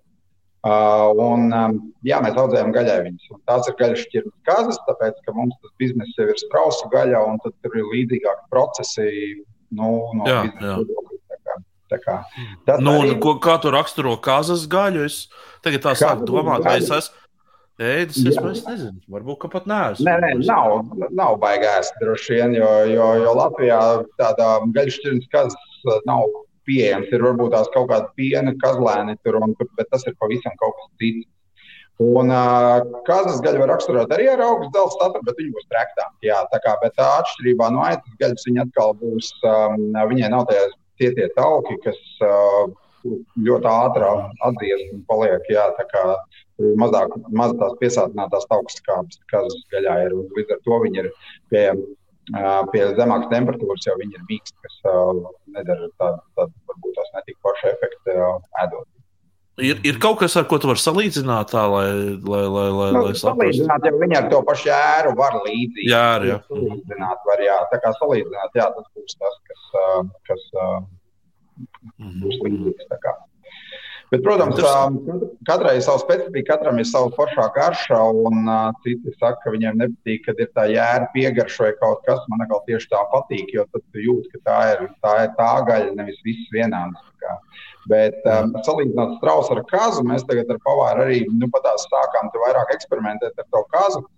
Kaut kāda sajūta ir, ka um, tā garša buķete ir plašāka tai kazas gaļai. Strauss ir tāds varbūt tās tāds plakanāks, nu, kā lai pasakā, jā, grūtāk. Jā, jā, tā, tāds ir. Jā. Viņam ir vien, vienveidīga, viena tāda garša, kur jā, tu, tu zini, uzēd, un tad viņi tev ir līdz. Jā, jā. Mm -hmm. Kāza varētu būt, es pieļauju, ja tu saki, ka tur arī ir traknums, nu, tad tur varētu būt, protams, tāds samiksētāks. Tas, jā, nu, tādam vidējam, normālam latvietim jau bija. Latvietim, jā. Vajag. Vipariņš un sālīt virsmu un ir baiglam. Bet, okay, runājot, bet tad... par to arī jā, mēs esam tāds netradicionāls nozars izvēlējušies, bet mēs būtu ļoti priecīgi, ja šajā nozarē strādātu vairāk, jo mēs arī paši stāstam, rādam visu, un neviena nevien, noslēpuma mums nav. Jo, jo Latvijas problēma ir tāda, man liekas, ka tas mazais apjoms, lai sāktu domāt par eksportu, būtu jābūt vismaz 10, 15, lai varētu. Jo bija pagājušajā gadā, nu jau būs vairāk kā gads, laikam pagājis, kad mums no Vācijas atnāca ēpas un apjautājās par 20 tonnām ceturkstīs trauks gaļas. Jā, nu, es ar savām 3,5 tonnām gadā, nu, vienīgais, ko varu izdarīt, jā, pie nevēlamiem ēpastiem, lai netraucējies kādā. lai, lai nekārdina, lai nekārdina uz muļķībām. jo tas ir apjoms, ko vienam ir grūti pacelt, bet ja mēs būtu vairāk, noteikti to varētu darīt. Tas ir pēc, runājot. Dažreiz mums ar mūsu viesiem nu, viņi jautā arī par to, jā, kā tad, nu, kā tad vai nav bail no konkurences. Mēs kāda konkurence mēs varētu 20 tonnas sakastīt. Ceturksnī gan jau, ja pusgadā sakastīt, arī varētu sākt runāt. Bet, un, tieši tādēļ mēs stāstam, rādam, Nu, ja kādam desmit gados izdosies kaut ko labāk izdarīt nekā man, paspiedīšu viņam roku un papriecāšos, kad ir un pamācīšos, kā to vajag darīt. Tā kā mums nav tāda noslēpuma un labprāt arī stāstam no šīs puses to savu saimniekošanu. Mm -hmm. nu, bet tev tur arī ir izklaides programma, es saprotu, ir aizbraucis ģimenes, vai ne? Kamēr vecāki tur, tur, tur, tur vienā galā ēd to strausu, tikmēr bērni tur spēlējās ar kazlēniem un tā. jā, jā, jā, tas ir strauss tā mazāk, bet ar kazlēniem var, un tagad būs mārts atkal. Pāris nedēļas atpakaļ sākās ballīte, jā, un Āzīša ir pie meitenēm. Un, uh, Āzīša pie meitenēm. Pēc pieciem mēnešiem pēc ballītes, jā, Un tad būs mazie kazlēni, jā, protams, tādā veidā mēs, mēs ļaujam bērniem gan ņemt rokās, viņus gan uh, mīļot, gan, gan skatīties, gan stāstam. To pagaršot. Jā, kā, kā tur notiekās, viņi arī redz, redz to, kā kādā labturībā viņš šeit aug. Nu, tā kā mm. labi audzināts kazas. Labi audzināts. Ne, man vienmēr šis ir mazliet mulsinājis uz tādām vietām aizbrauc ar bērniem un, un, un, un nu, bērniņi rekrutē tas kazlēniņš, un tad beigās, nu tad pagaršosim, kā šis kazlēniņš ir nāc, nāc pie galda, nekautrējies. Nu, jā, tur ir tādas divas lietas. Mēs, es vienmēr arī stāstot par to, mēs pašā sākumā izstāstījām, ka tās pamat biznesa mums ir gaļa. Un, ja mēs ēdam gaļu, tad, tad tā tas notiekās. Te jūs redzat, ka viņi vienkārši to savu dzīvi pavada labos apstākļos. Un, protams, respektēja arī cilvēks, kurš neēd gaļu. Bet, nu, tāpēc mm -hmm. man liekas, ka katram ir sava izvēle, un, un tā ir jāizdara. Un, ja mēs viens otram ar to savu izvēli neskrienam virsū, tad tas viss ir liekas, pareizi. Un, bet, bet kas ir labā lieta, to, kas jūs tajā brīdī ēdat, to jūs neredzat. nu, jā, jā. Nē, nu es tādu savu jokiem, bet uh, tas jautājums varbūt bija tāds nopietns, kā ir nu, ar visiem šiem tā, kā modē, visas dzīvnieku tiesības un visi šie brīvības trausiem un tā tālāk. Tie jūs netraucēt tur. Jā, ja viņiem gribētu aizbraukt tiem ceļiem. Mēs tiešām, mums laikam pie mums, mēs tā mūsu nekuriene, kas, kas pirmajā gadā varbūt tās, kad mēs atvērām restorānu, likās varbūt tās tāds mīnus un liekas, no, nu, Es arī tur braucu Latvijā, redzu kaut kādu mūžiņu pamestu ceļu, lielā maļā stāvu. Ja, nu, būt mēs mhm. šeit, lielais ceļš, un te nu cilvēki brauc. Tagad mēs saprotam, ka ir ļoti labi, ka mēs esam tur, kur mēs esam. Pie mums atbrauc cilvēki, tie, kas ir vai nu dzirdējuši kaut ko labu, vai nu painteresējušies, un viņiem ir tas pieņemams, un viņi brauc. Un tas nav tā garām braucot. Un, uh, mēs ar kolēģiem esam runājuši tieši, kur ir kaut kādās um, krotiņa un pašu restorānu kaut kur ceļu malā. Un mums bija jautājums, kā jūs tiekat nu, vasarās? Nu, cilvēki daudz ar tiem sliktajiem klientiem galā, kur apēd un negrib maksāt. Un, un, un, un tad vēl bija tāda lieta, kas par dārgu, par, par, par, par augstu, par siltu. Uh, mums, nu, labi, vienreiz gadā varbūt kāds trāpās, ne tā no būdas izkāps. Ja, bet patiešām pie mums atbrauc laikam cilvēki, tie, kas uh, zina, kur viņi brauc un mm. apmēram nojauš, un tas nav tā garām braucot. Un tāpēc mums ir Viss, kas atbrauc, ir vajag pašai cilvēkam. Ļoti pareizi ļoti pareiz tu pateici, ka es savā trakajā gastāvoklī varu ieklīst jebkur. Mm -hmm. uh, šeit, piemēram, Rīgā vai Rīgas tuvumā. Bet, lai aizbrauktu pie tevis, principā tam, nu, tur apkārt nav nekā, būsim godīgi. Nu, tur nav nekā. Nav tev, nekā tev vienkārši, tev, tu brauc pie Pētera, jā, tu brauc uz, uz pie strausiem tur. Un tu zini, jā, ka tu, tu tur bez maz tu nobriest jau tam visam. Ka tev būs jāmaksā, lai arī kā tu gribētu sakasīties. 20 km apkārt ir lauka, Pēterim noteikti ir kāds medību ierocis, viņš tev trāpīs skrejienā. Tā kā... Par nemaksāšanu nav, nav, nav, nav jautājumu vispār. Jā. Labi, Pēter, izstāst par, izstāst par nākotnes kaut kādām iecerēm. Es zinu, ka skatīties kristāla lodēs, tas ir. Uh, nu, nav, nav tā kā biznesmenim ļoti. Jā, nu, tā kā arī biznesmeņiem viņi nepatīk, viņiem nepatīk šāda lieta. Bet, zini, kā, ja tu, ja tu audzēji strausus un ja tu audzēji gaļas kazas, nu, tad tev nevar nepajautāt šādu jautājumu. Jā, nu, ir tā, ka um, mēs šobrīd um, gribam um, nostiprināt tās pozīcijas, ka tajā zināšanās un tajā produktivitātē un tās lietas mēs gribam šobrīd noteikti slīpēt, jo mums tas apjoms ir uzgriezies un tādā attīstības posmā paši redzam skrējienā.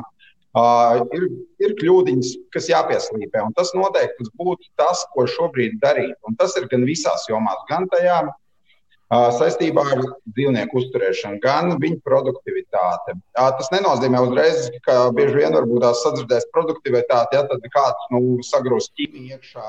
Un, un, nē, tas ir ganāmpulka izkopšana. Tas ir uh, uh, gan izkopšana, uh, lai būtu ražīgāks un uh, viss tādas lietas. Tā ir vienkārši atlase, tā ir barības bāzes sagatavošanu. Runājot par restorānu, mēs ļoti aktīvi šobrīd strādājam ar tādu septiņkārtu vakariņu piedāvājumu. Un tas arī noteikti ir virziens, kur restorānam strādāt dziļāk, ka vairāk pie mums brauc uz pieteikšanos, ka izbauda vakaru, jau prognozēti un tā. tā kā tas tie ir noteikti tie mērķi, ko mēs attīstīsim. Vēl tāds, ko mums arī jautā, par nakšņošanu. Tas gan ir tāds tālāks solis, lai varētu palikt. Un to mēs arī droši vien domāsim vairāk tā forši un gaumīgi, lai tas nav lielā masa vai kaut kāda atpūtas pirts, tur, kur ir notiekās tusiņi. Tas vairāk būtu ģimenēm ar bērniem, kur var pavakariņot, palikt šeit, nezinu, aiziet uz dīķi, pamakšķerēt nākošā dienā, atnākt no rīta, palīdzēt sabarot kazas un pabaudīt lauku nosacīto mieru. Jā. Mm, tu uzbūvēsi kādu gandrīz alpā, alpā kalnu ainiņu, vai ne? Es jau gribu. Jau Tā, gribu. nu man gan skaņa laikam no jūsu puses pazuda. Pēdējo, pēdējo lietu, ko es tev gribēju vēl vienkārši pajautāt, ir par, par, par gaļas piegādēm. Es saprotu, ka uh, nav tā, ka rīznieki ir arī apdalīti. Viņiem ir pieejama strauza gaļa, vai ne? Tikai mm -hmm. pastāsti, kā. Jā, nu mēs, mēs sākām ar tām piegādēm uz restorāniem, un ar Covid atnākšanu aktivizējām vairāk uz privātiem klientiem. Un, jā, mēs esam katru nedēļu Rīgā, un tas ir tas, ar ko, ar ko mēs esam arī forši restorāniem, jo mums ir regulārs piegādes, un, ja vajag kādu ekstra piegādi, tad arī izdomājam. Un, Un sākotnēji tas arī bija tā, ka mēs vedām pa kilogramam gaļu uz Rīgu. Varbūt tās likās, ka tas nu, nevis likās, ka ceļš bija dārgāks nekā pats kilograms, bet nu, tas servis ir ļoti svarīgi. Un to es tagad tikai arī saprotu, kad mums pašiem ir restorāns, un tad, kad vasarā ir ļoti daudz cilvēku un tas skrējiens ir liels, mēs labprāt no apkārtējiem ņemtu dažādas lietas.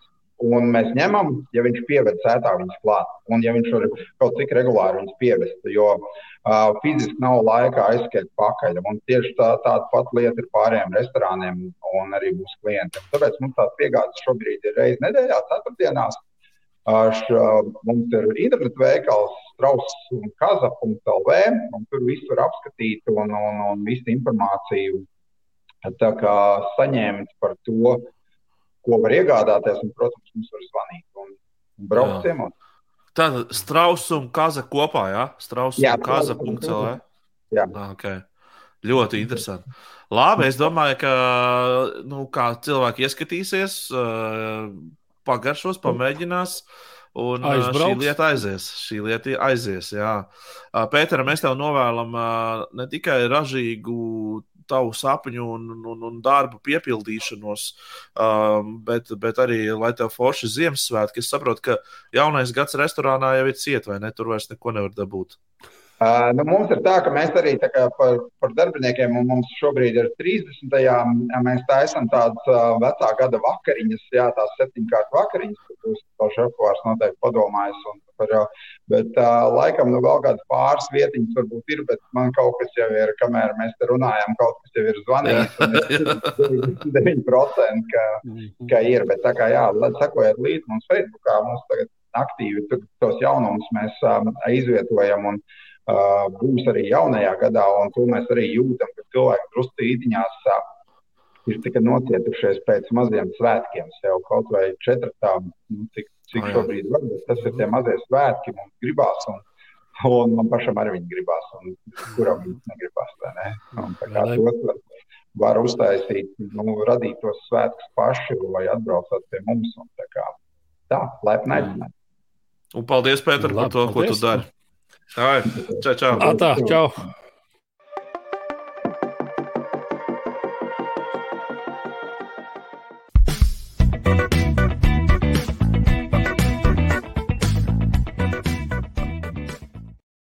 Twitterī, kā jau Twitterī, klausies, viena lieta Twitterī bija vienkārši pilns ar to uh, pirmdienu un dažas, dažas sekojošās dienas.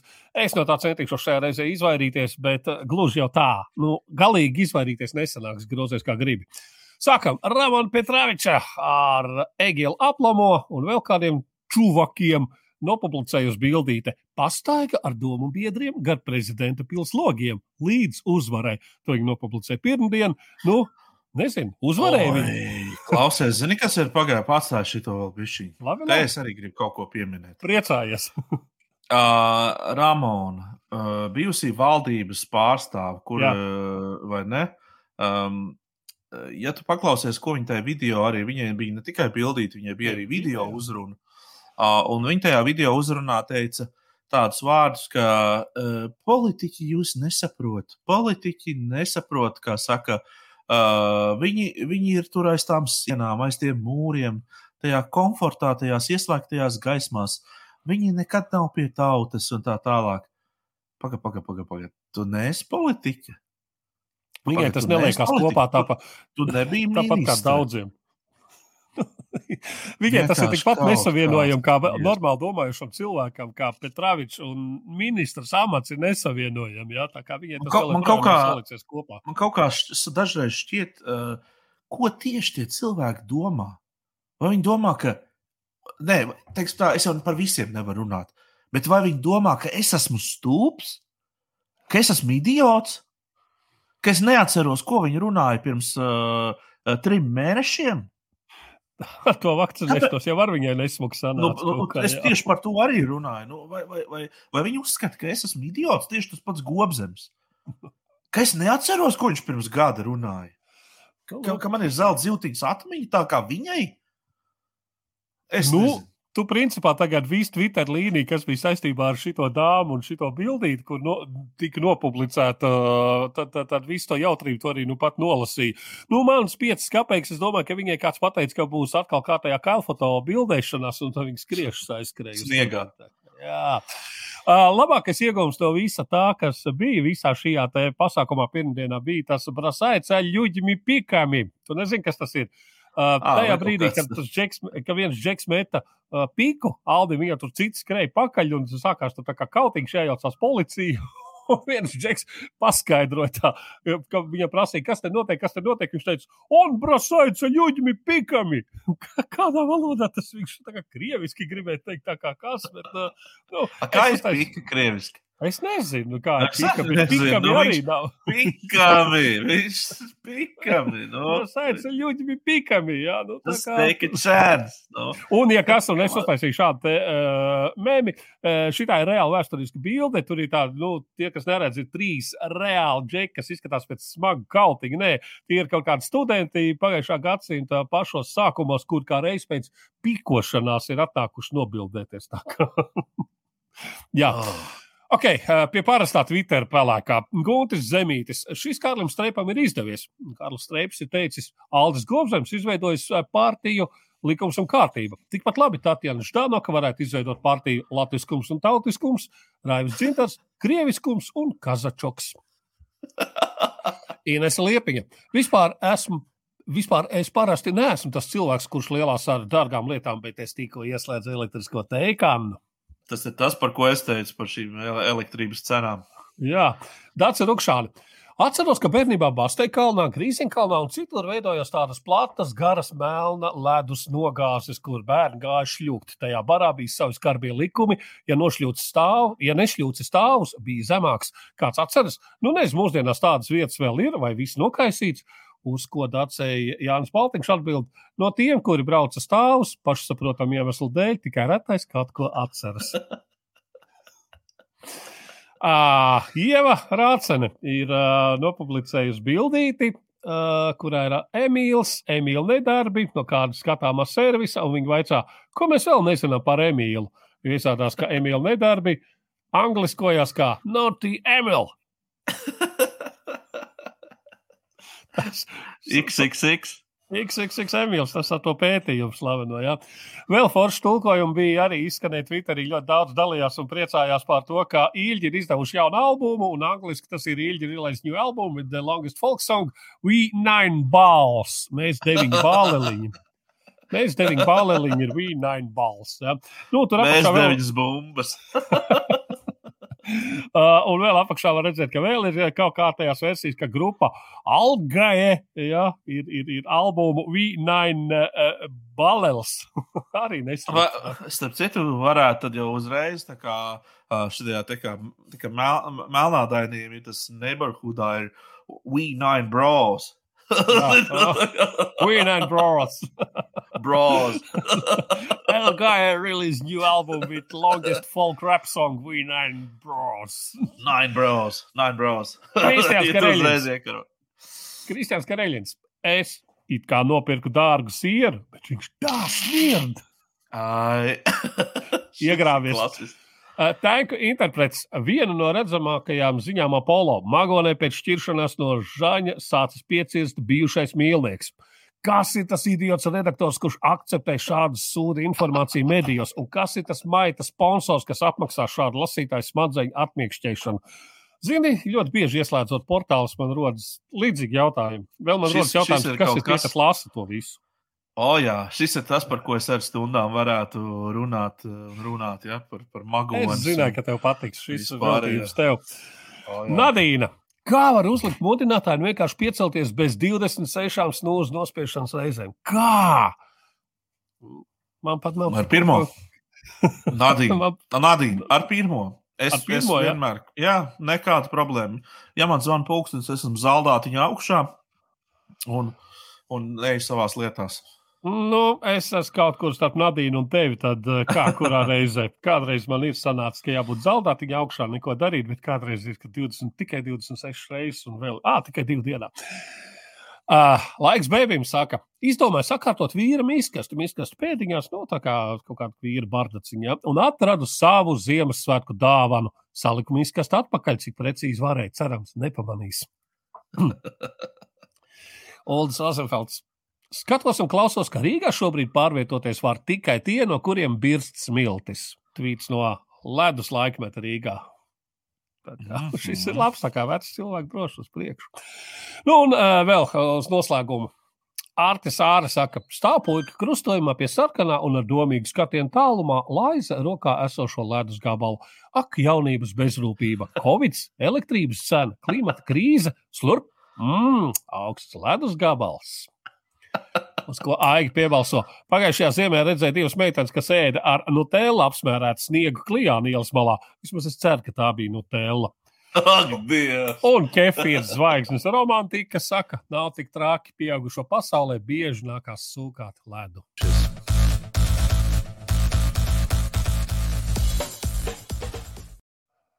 Nu tā, lasies, skaties, klausies. Es esmu visas trīs lietas darījis. Man vēl joprojām nav īsti skaidrs, vai teiksim, koncerta filmas vai filmas par mūziķiem skaitās tā kā klausām vielu vai, vai, vai, vai skatām vielu. Nu, skat- Skatām vēl, skatām vēl. Taisnība jau kaut kur pa vidu tam visam ir. Sākam ar tevi. Jā, La Latvijas eh, Netflix skatītājiem noteikti šī filma nav nekas nepazīstams, jo vismaz, kad pēdējo reizi ielūkojos Netflixā, viņi joprojām bija top pirmajā vietā. Eh, Sandrs Buloks jaunā filma, kuras, starp citu, diezgan ilgi tika reklamēta, ja es pareizi saprotu un atceros. Tad apmēram ka gandrīz kāds trīs mēnešus pirms eh, šīs filmas iznākšanas jau Netflixā bija mm, ievietots kaceklis, jeb traileris. Um, neko nespoilošu. Tie, kas vēl nav redzējuši, uh, ir dažādas atsauksmes. No man apkārtējiem cilvēkiem ir daži teikuši, ka pēdējais sūds, daži teikuši, ir, ka ļoti dziļa filma. Man liekas, tā kā tu eglīti teici, kaut kas starp sūds un ļoti dziļa, nu tāda mm, kaut kas pa vidu. Uh, Buloks tēlojums, protams, neapstrīdami ļoti labs. Uh, scenārijs varētu būt tas, ko, ko cilvēki varbūt neuzķēra un ne, nesaprata. Okay, zini, kāpēc es neesmu noskatījies šo te Unforgivable? Uh, tāpēc, ka pirmais, ko es izlasīju recenzijā par šo filmu, bija tā, Buloka ļoti grib Oskaru. Nu, Jā, viņi, viņi arī varbūt dabūs. Viņi pat īstenībā varbūt arī dabūs. Uh, jo, jo tiešām viņas uh, viņas tur tā esamība tajā filmā, uh, ja, ja tur būtu jebkāda cita aktrise uh, tajā, tajā, tajā vietā, uh, nu, tur tas pasākums būtu garām. Okay. Nu, tad tā, tavs verdikts ir vērts vai nav vērts. Es vēl neesmu noskatījies, man ir višķi līdzi. Noskaties, un... noskaties, noskaties, jā. Labi, paklausīšu. Oh, es mazliet par lietām, kuras nav oh, vērts Dievs. skatīties. Es ļoti gaidīju Blade Runner. Es ļoti gaidīju Blade Runner uh, visumu, jo Blade Runner uh, divas filmas ir vienkārši wow. Tu zini, par ko es runāju, ja, par Scottu un par Danielu Vilņēvu. Un, un visi gaidīja, ka, nu, šajā visumā, protams, varētu būt vēl visādi piedzīvojumi, visādas lietas. Uh, Un Black Lotus uh, tika reklamēts, ka nu tikai būs baigā stēle. Nē, mīļie, Blade Runner tādu sūdu nav pelnījis. Izskatās lēti, izskatās pēc 90. gada pirmās puses video spēles, ir grafiks, ir sižeta ziņā. Nu, kāds, cik smalki izstrādāts ir Blade Runner visums, uh, šitas vienkārši visu nograuj, fuj, pēkā. Šis ir kā, šis ir kā viens pats mājās trīs. Uh, vai pat 33. Tad noteikti nav vērts. Blade Runner nebija pelnījis tādu mēslu savā visumā. Uh, Uh, Eiforija. Nu, nē, Eiforija seriāls kā tāds man ļoti patīk. Tu esi redzējis, nē, es, es nezinu. Nē, par ko tur ir pastāstīt dažos vārdos. O, tas ir mileniāļiem. Tas ir kamēr visu pasauli ierēdz par mileniāļiem, kur neko nezinu, kur tikai māks sev pieprasīt. Tikmēr HBO, protams, uzņēma par viņiem seriālu. Tur ir narkotikas, tur ir seks, tur ir vardarbība, tur ir izspiešanas, tur ir, nu, var sakot, mileniāļi tādas problēmas. Un, un, un tas tā parādīts ir ļoti skarbi. Nacionālajai apvienībai, apvienībai ģimenei, uh, šo neskatīties. Uh, viņi tas ļoti patiks. Būs tūlīt ārā, tūlīt ārā būs otra sezona. Ir forši, ir nopietni. Nu, uh, Stāsts notiek kur? Ņujorka? Amerika kaut, kā, kaut kur tālu, kaut, kaut, kaut, kaut, kaut, jā, kaut kas atkal Amerikā, mm. protams, notiek. Kur citur varētu notikt? Nē, nu, jā, HBO seriāli var notikt arī Visur, uh, broņu spēles. Notikt. Nu, nē, bet ne par to ir vilšanās. Seriāls ir viss ok. Otra sezona būs ārā. Šis pirmā sezona pirms nezinu, vairākiem gadiem iznāca. Bet tā vilšanās ir, ka tagad tika izziņots, ka ir divas papildus sērijas pie pirmās sezonas. Nu, dafai, nu kas tikai tur būs? Un tur ir tā, ka divas galvenās varonas visu laiku runājās. Pirmajā sērijā viena galvenā varona stāsta, kāpēc viņi izšķīra atšķīrās no tās otras un otrās sezonas. Otrā tajā sērijā otrs stāsts savam psihiatram. Nu, pirmā stāstīja tur kafejnīcā ar savu dīleru aprunās. Ne, pat ne dīleru. Nu tā. Atsakot, jā, nu, ja gribās pašokēties, ko jaunieši mūsdienās dara, jā, ja gribās sajusties, nezinu, no tiem večiem, kas saka, ak, dieni, kad mēs augām, tā tā negāja. Šī ir īstā stēle, ko paskatīties. Mm. Tās maz neliksies. Uh, invāz, invāzija. Invāzija, jā, invāzija. Uh, mm -hmm vai iebrukums vai invāzija. Pirmā sezona ir galā. Nu, es šogad baigi maz fantastikai pieķēros, bet es teikšu, ka viena no tādām saprātīgākajām. Man patīk, ka tas scenārijs ir ļoti tuvu reālajam, kā tas varētu notikt. Šīs bailes, vispār cilvēcīgās kaut kādas apņēmas, ir vairākas dažādas notikumu vietas, Amerika, kaut kur Afganistāna, Londona. Ja? Tur, tur, tur tādu mazo cilvēku tādu sapratni par to, kas notiek apkārt, ka kaut, kāda, kaut, kas, kaut, kaut, kaut kas liels notiek planētai, kāds ir uzbrucis. Nu, uh, kā tas beidzās? Tas beidzās ar atvērtām mm, open ending, kas saka, jā, un mm -hmm. es domāju, otrs sezonu laika jautājums. Labi, un nedēļas prieks ļoti iesaku Yellow Jackets. Uh, es jau pieminēju, ka kādā pagājušajā reizē. Uh, 96. gads, uh, lidmašīna pilna ar meitenēm. Meitenes ir futbolistes, un viņi jāvērē kalnos. Un, uh, un viņas 19 mēnešus tur cīnās par izdzīvošanu, sadalās grupās, sākās liela jautrība. Mūsdienās dzīves ir vairs tikai četras, un mūsdienās arī sāk peldēt ārā kaut kas uh, no turienes divas paralēlas laika līnijas, gan tā meža izdzīvošana, gan tā vardarbība, gan visas tās attiecības, gan mūsdienās kaut kādas detektīva līnijas. Lielisks aktieru sastāvs, starp citu, tam ir vērts uzmanību pievērst. Un, jā, un, tur, un, un, un es tev varu pateikt, tur ir tā L Parnell, jaunā uzlecošā zvaigzne, tā milzīgajām acīm, tur tā pa visu ekrānu. Tur vēl ir, tur vēl ir šitā. Uh, Džuleta Luisa, tur vēl ir Kristiāna Ričī. Nu, tā kā tur ir diezgan spilgts aktrišu sastāvs, ir vērts. Ok, klausām vēl. Kā jau teicu, man ir baigi grūti saprast, kas ir klausāmāks. Ja skatām vielu, nu, tad, tad uh, mīlestības dārsts ir aizaudzis filma. Nu, kā filma, tas ir apmēram uh, nepilnu pusstundu garš tāds dokumentāls, uh, dokumentāla filma uh, par uh, Kristapa Vanadziņa džeza trio uh, plates ierakstīšana, dzīvais koncerts, koncerts pandēmijas apstākļos. Koncerts notika gan Liepājā, gan Vēnspilī. Par visu to ierakstu tehniku, par visu to, kā tas tika ierakstīts, gluži kā pirms 50 gadiem. Nu, kā, jā, nu, tas ir Jēzus rekords piedāvā, tas ir Marks Amerikas. Es ceru, Marks kādreiz būs brīvāks brīdis, mēs viņus sarunu pie mums dabūsim. Tā kā iesaku noskatīties augstvērtīgs džeks, mūsu pašu Made in Latvija. Ir vērts noveltīt nepilnu pusstundu, lai noskatītos YouTube. Pavisam brīvi pieejams, neliela reklāma. Man liekas, pēc dažām dienām ir nākamā filma no šī cikla ārā. Tā kā to arī nepalaidiet garām. Bet par to mēs parunāsim pēc tam Latvijas televīzijā. Pirmizrāde būs. Ok, klausāmies. Mans pieejams. Jā, es, es mazliet uh, esmu paklausījies podkāstus. Mm, jā, es šim jau biju pievērsis agrāk uzmanību, jo principā tajā ir brīdī, kad iznāca uh, pirmā, pirmā daļa, varētu tā nosaukt, uh, kuras autori ir Mārta Herce, uh, Miers ar tevi. Mhm. un tagad uh, ir iznākusi Justīna Savīts, kas uh, doktors va vajadzēs uh, noģērbties. Uh, šie ir, es viņus varbūt nesauktu klasiskā izpratnē par podkāstiem, jo viņi vairāk vai mazāk ir tādi kā mm, dokumentālie stāsti, Uh, un uh, nu, viņi tā kā mm, īsti nu, tā kā podkāsts. Podkāsts varbūt nu, tikai tāpēc, ka tas ir tāds populārs formāts, tad viņam ir iedots tāds nosaukums un, un, un tā, bet pēc būtības šī ir tāda vienā reizē noklausāmi, noklausāmi gabali, kur, kur, kur patiešām es arī ieteiktu vērtīgas tēmas ir cilātas. Pirmajā daļā, ko es jau pieminēju, Mirs ar tevi, ir stāsts par uh, gejiem un lesbietēm, kuras ir, un arī transpersonām, kuras kā, nu, kā grib būt baznīcā, bet savukārt tā baznīca īsti negrib viņus, tad kādas ir šīs attiecības? Un tur ir ļoti labs foršs stāsts, tiešām ar ļoti labiem portretējumiem un, un, un Uh, Mārta izdarījusi super darbu. Tiešām ļoti labi. Es domāju, Mārta mums arī kādreiz vajadzētu uzaicināt, uh -huh. uh, parunāties. Uh, es domāju, būtu būt, būt ļoti interesanti. Un šī otra, es domāju, es viņu pagaidām tā kā nekomentēšu vairāk. Viņa ir pilnīgi jauna. Tiem, tiem, es domāju, ka jau arī panorāmā tur ir sižeti un, un tā tālāk. Šis drukātajā pēkšņi, presē arī. Jā. jā, pēkšņi ir pacēlies dienas kārtībā šis jautājums par, par ārstu, kurš īsti nav ārsts, kurš tomēr beigās izrādās. Viņam nav pat certifikāta, bet izrād, nu, tur kā mm. uh, imunologs, kurš uh, praktizē visādas ginekoloģiskas uh, manipulācijas, saka, pra, manipulācijas un prakses, bet uh, patiesībā uh, saka, ir vienkārši kāds... izvirts perverts. jā. Nu, lūk, un šīs cietušās uh, sievietes ir sākušas uh, nu, pacelt balsi. Uh, tādā ziņā, ka mm, ir vērsušās tiesību sargājušās iestādēs, par to ir arī stāsts.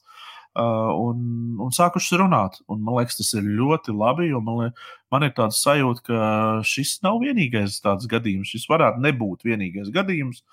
Es nezinu tieši Latvijas situāciju, bet uh, Bet bieži vien ir tā, ko, ka, ka, ka, ka mēs atklājam, ka ir kaut kādas industrijas, kurās, kurās šādas lietas notiek, kur var viegli, kā saka, visādi perverti, kā, saka, tikt pie savu vajadzību, pie savu vēlmju apmierināšanas šādā veidā. Jā, ir vērts turēt acis vaļā uh, un pačakot līdzi, kas vēl, kādas vēl sērijas nāks no dokumentāra jārādas ir uh, sadarbībā ar Latvijas radio. Uh, tā kā jā, pievērsiet mhm. uzmanību. Mm -hmm. Satori, es arī šo klausos. Oh, jā, nu, kas tev jā. interesants liekas no Satorija? Uh, principā es Satori arī lasu, tāpēc, ka es kaut kādā brīdī vairs nepirku Rīgas laiku, es, bet es labošos, es papirku nu, arī Rīgas laiku. Jā. es, es lasu The New York Review of Books, jā. Nu, ne? No. Oh. nu, Tad vajag, vajag, la, la, la. jā, jā, pamērījās vai ne ar kaut ko. jā, jā.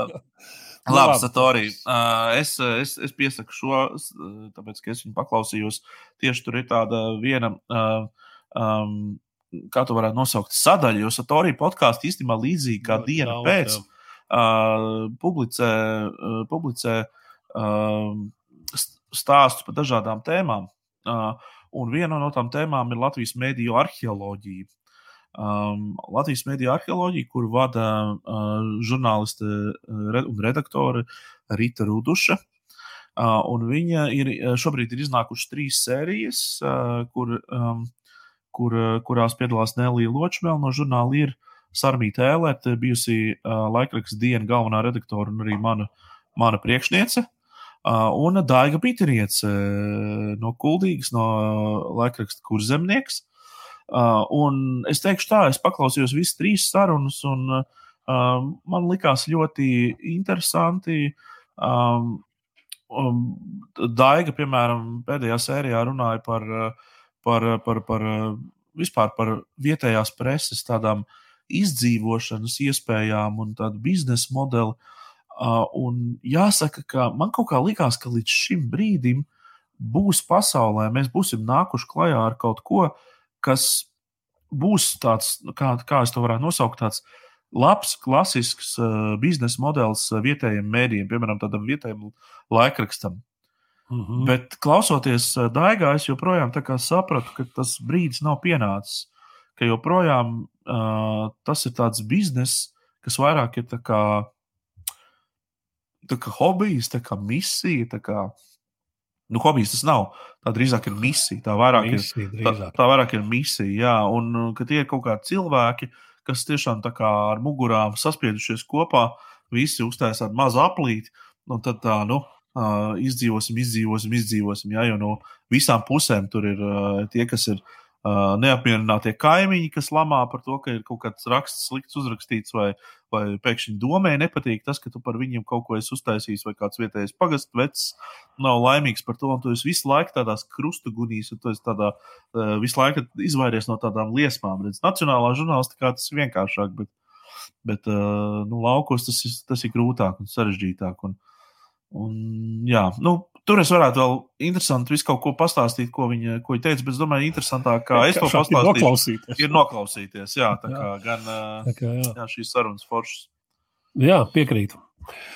Ok, uh, es pirmdienā gan skatījos, gan klausījos, tad, kad man apnika tas, kā tu saki, koncerts pie uh, prezidenta pils, pie Rīgas pils. Es pārslēdzos uh, uz citu koncertu. Kur, uz citu koncertu, uz jēdzīgu koncertu, kurš Deivs Gans un Solsēvers atrādīja savu jaunu albumu. Protams, arī vēl uh, lietas no iepriekšējiem albumiem un arī no viņa mātes grupas divas dziesmas nodziedāja.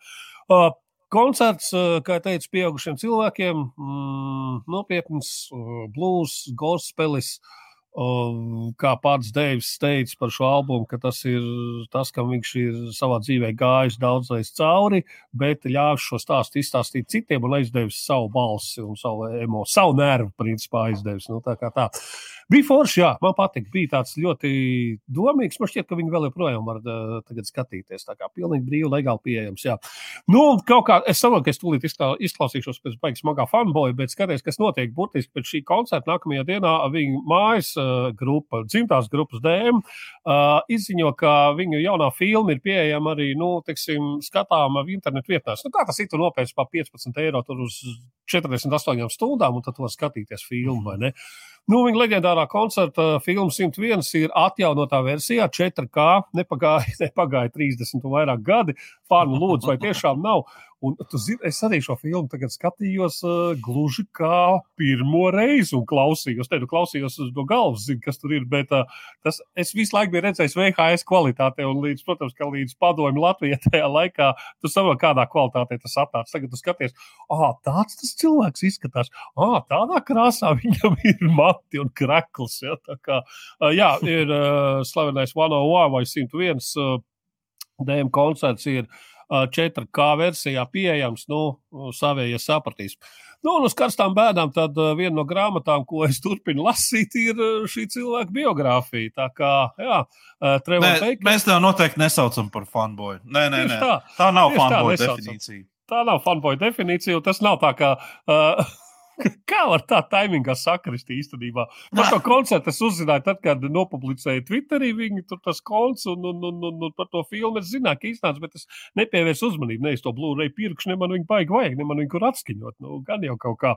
Nu, lūk tā, bet to grāmatu es esmu iesācis lasīt jau kādu laiku atpakaļ. Un, Nu, jā, tā, tā, tā, kā, kā no parasta huligāna var kļūt par rokas zvaigzni, ko tas nes līdz tev cilvēkam emocionāli un tā tālāk. Jo, nu, šis čeks ir rokstārs, grozies kā grib. Viņš visam izgājis cauri, un te, tas, viņu, tas, tas, tas varbūt ne tik daudz viņa, bet līdzcilvēku skatījums uz, uz, uz viņu kā personību, kā to, kā viņš ir veidojies. Un, nu, ir interesanti, ja tu zini, ka vēl divas minūtes ir bijis klīniskā nāve, ka ir medaļa jau tabula visādos veidos uzņemta un izlaista ārā. Un, un, un, un, un, un skaties, vēl, kuram Starp citu, tāds uh, spieklīgs, nu, kāds spieklīgs fakts. Antons Korbins 90. gada otrajā pusē filmē šai grupai uh, video ar domu, šis būs kā atvadu sveiciens Deivam. Diez vai viņš sagaidīs gada beigas. Tā kā. Dievs! Nu, nu, jā, nopietni ir viens tāds klips, kas ir baigās atsaucis uz iepriekšējiem darbiem, uz tiem tēliem, uz to simbolismu, kas. Nu, tā, tā. Ārprāts, viss jau noraka viņu. Jā, tā arī bija reāli. Pateicis, Džeks, visu, un viņš jau vairs nav. Nu, tur, tur, tur viss. Tur. no nu, tā, bet redz, izklūlās un skaties, dzied vēl pirmdienas vakarā laivā dziedāja, tā kā maz neliekās no Vācijas. Tā kā, jā. Nu, labi, tāds es galīgi ne fanboys. Labi, tavs uznāciens. Šī grāmata, tas gan ir tagad par lasīšanu, jā, grāmata, kurā, um, kur ir sarakstījis Kris Voss.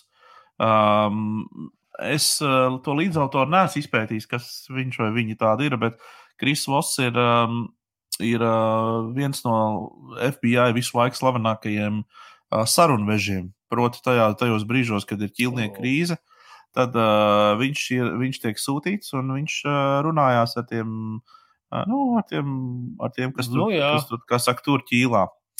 Tos, tos cilvēkus tur, tur, tur hostīdžā. Nu, un tad uh, Um, viņš šeit ir ap, aprakstījis, un tā grāmata vairāk ir tādiem, viņa ir tāda mazliet biznesa pieejama.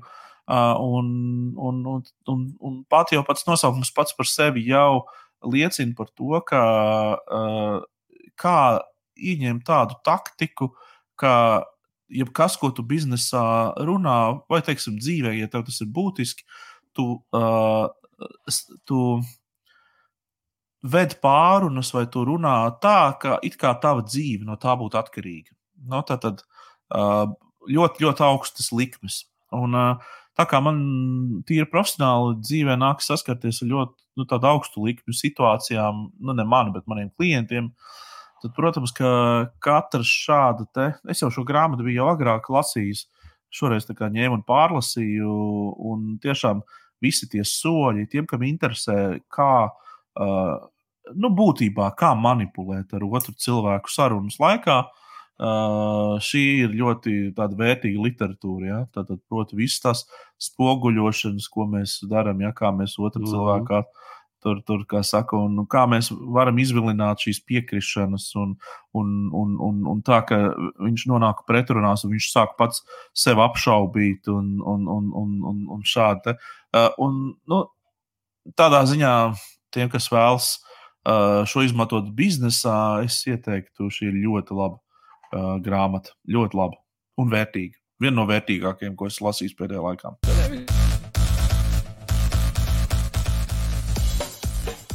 Nu, tad um, jāsaka, ka vēl tie, kas nav paspējuši mums uzrakstīt savu četrīndi vai uh, arī garāku dzējolīti, mēs tā skatāmies, ka mums ienāk arī uh, pēc apjoma garāka, ne tikai četrīndas. Poēmas, uh, jā. Jā, nu, nepārāk gari nelasiet. Mums vienkārši kā, pārāk daudz nepatīk lasīt. Bet, nu, uh, bet uh, tās, kas ienāk, es varu teikt, tā godīgi teikšu, reāli talantīgi dzinieki un dzinieces uh, jūs esat.